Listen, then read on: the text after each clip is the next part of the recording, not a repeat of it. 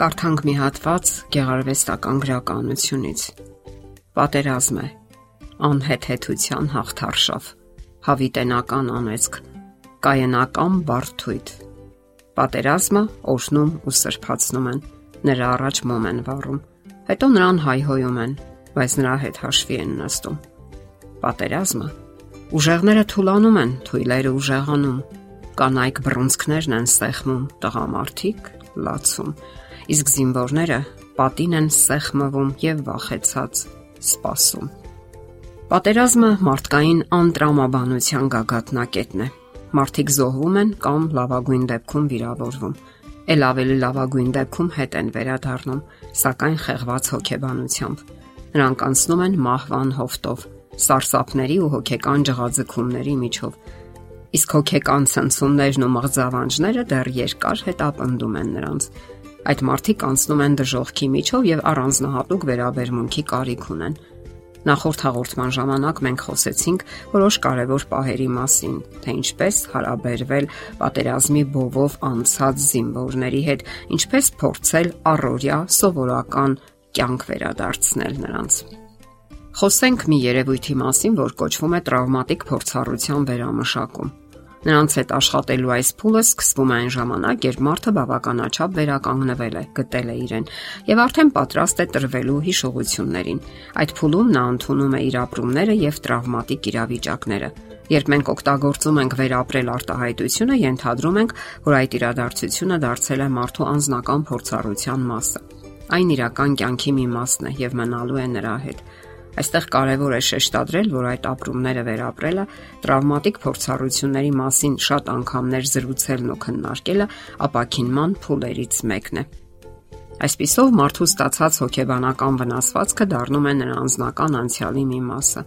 Մարդիկ գիտակցում են, թե ինչ է տվել նրան այդ իրավիճակը, ինչ է սովորեցրել։ Օրինակ, դրա շնորհիվ ես ուժեղացա, Այդ իրավիճակը ցույց տվեց, որ կան մարդիկ, որոնց վրա կարելի է հույս դնել կամ ես հասկացա, թե ինչն է իրականում կարևոր կյանքում։ Շատերը սխալմամբ կարծում են, թե ժամանակն է բուժում, սակայն հոգեբաններն ասում են, որ բուժում է այդ ամենի գիտակցումը, հասկանալն ու ընդունելը։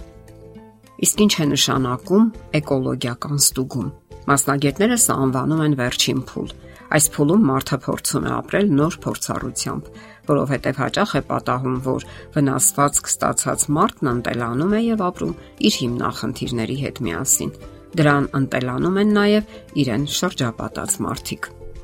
Ցանկացած նման մարդու հետ հարաբերվելու ժամանակ շատ կարևոր է հիշել, որ այդ ապրած փորձառությունները խորտակել են նրա կյանքի սովորական ընթացքը։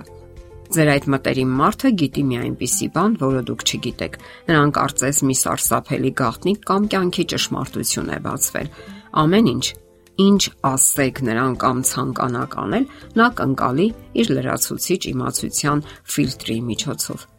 Հարկավոր է ուշադիր լինել այդ առումով։ Հնարավոր է, որ այն ինչ կարևոր է թվում ձեզ, հանգիստ, աշխատանք, հարաբերություններ, նրա համար դեռևս անիմաստ է իր այդ սեփական իմացության պատճառով Մեր խնդիրը աստիճանաբար սովորական իրերի աշխարհը վերադարձնելն է մեզ համար հարազատ անznավորությունը, սակայն հիշելով, որ դրանք դեռ երկար ժամանակ պարզապես պայմանական են լինելու նրա համար։ Այս իրավիճակը նման է այն մարդու իրավիճակին, ում մարմնում արկի բեկորներ կան։ Ժամանակի մեծ մասը նա ապրում է սովորական կյանքով, ինչպես բոլորը, սակայն երբ ցուրտ է կամ խոնավ, հին վերքերը զգացնել են տալիս իրենց։ Ինչ կարող են անել մերձավորները։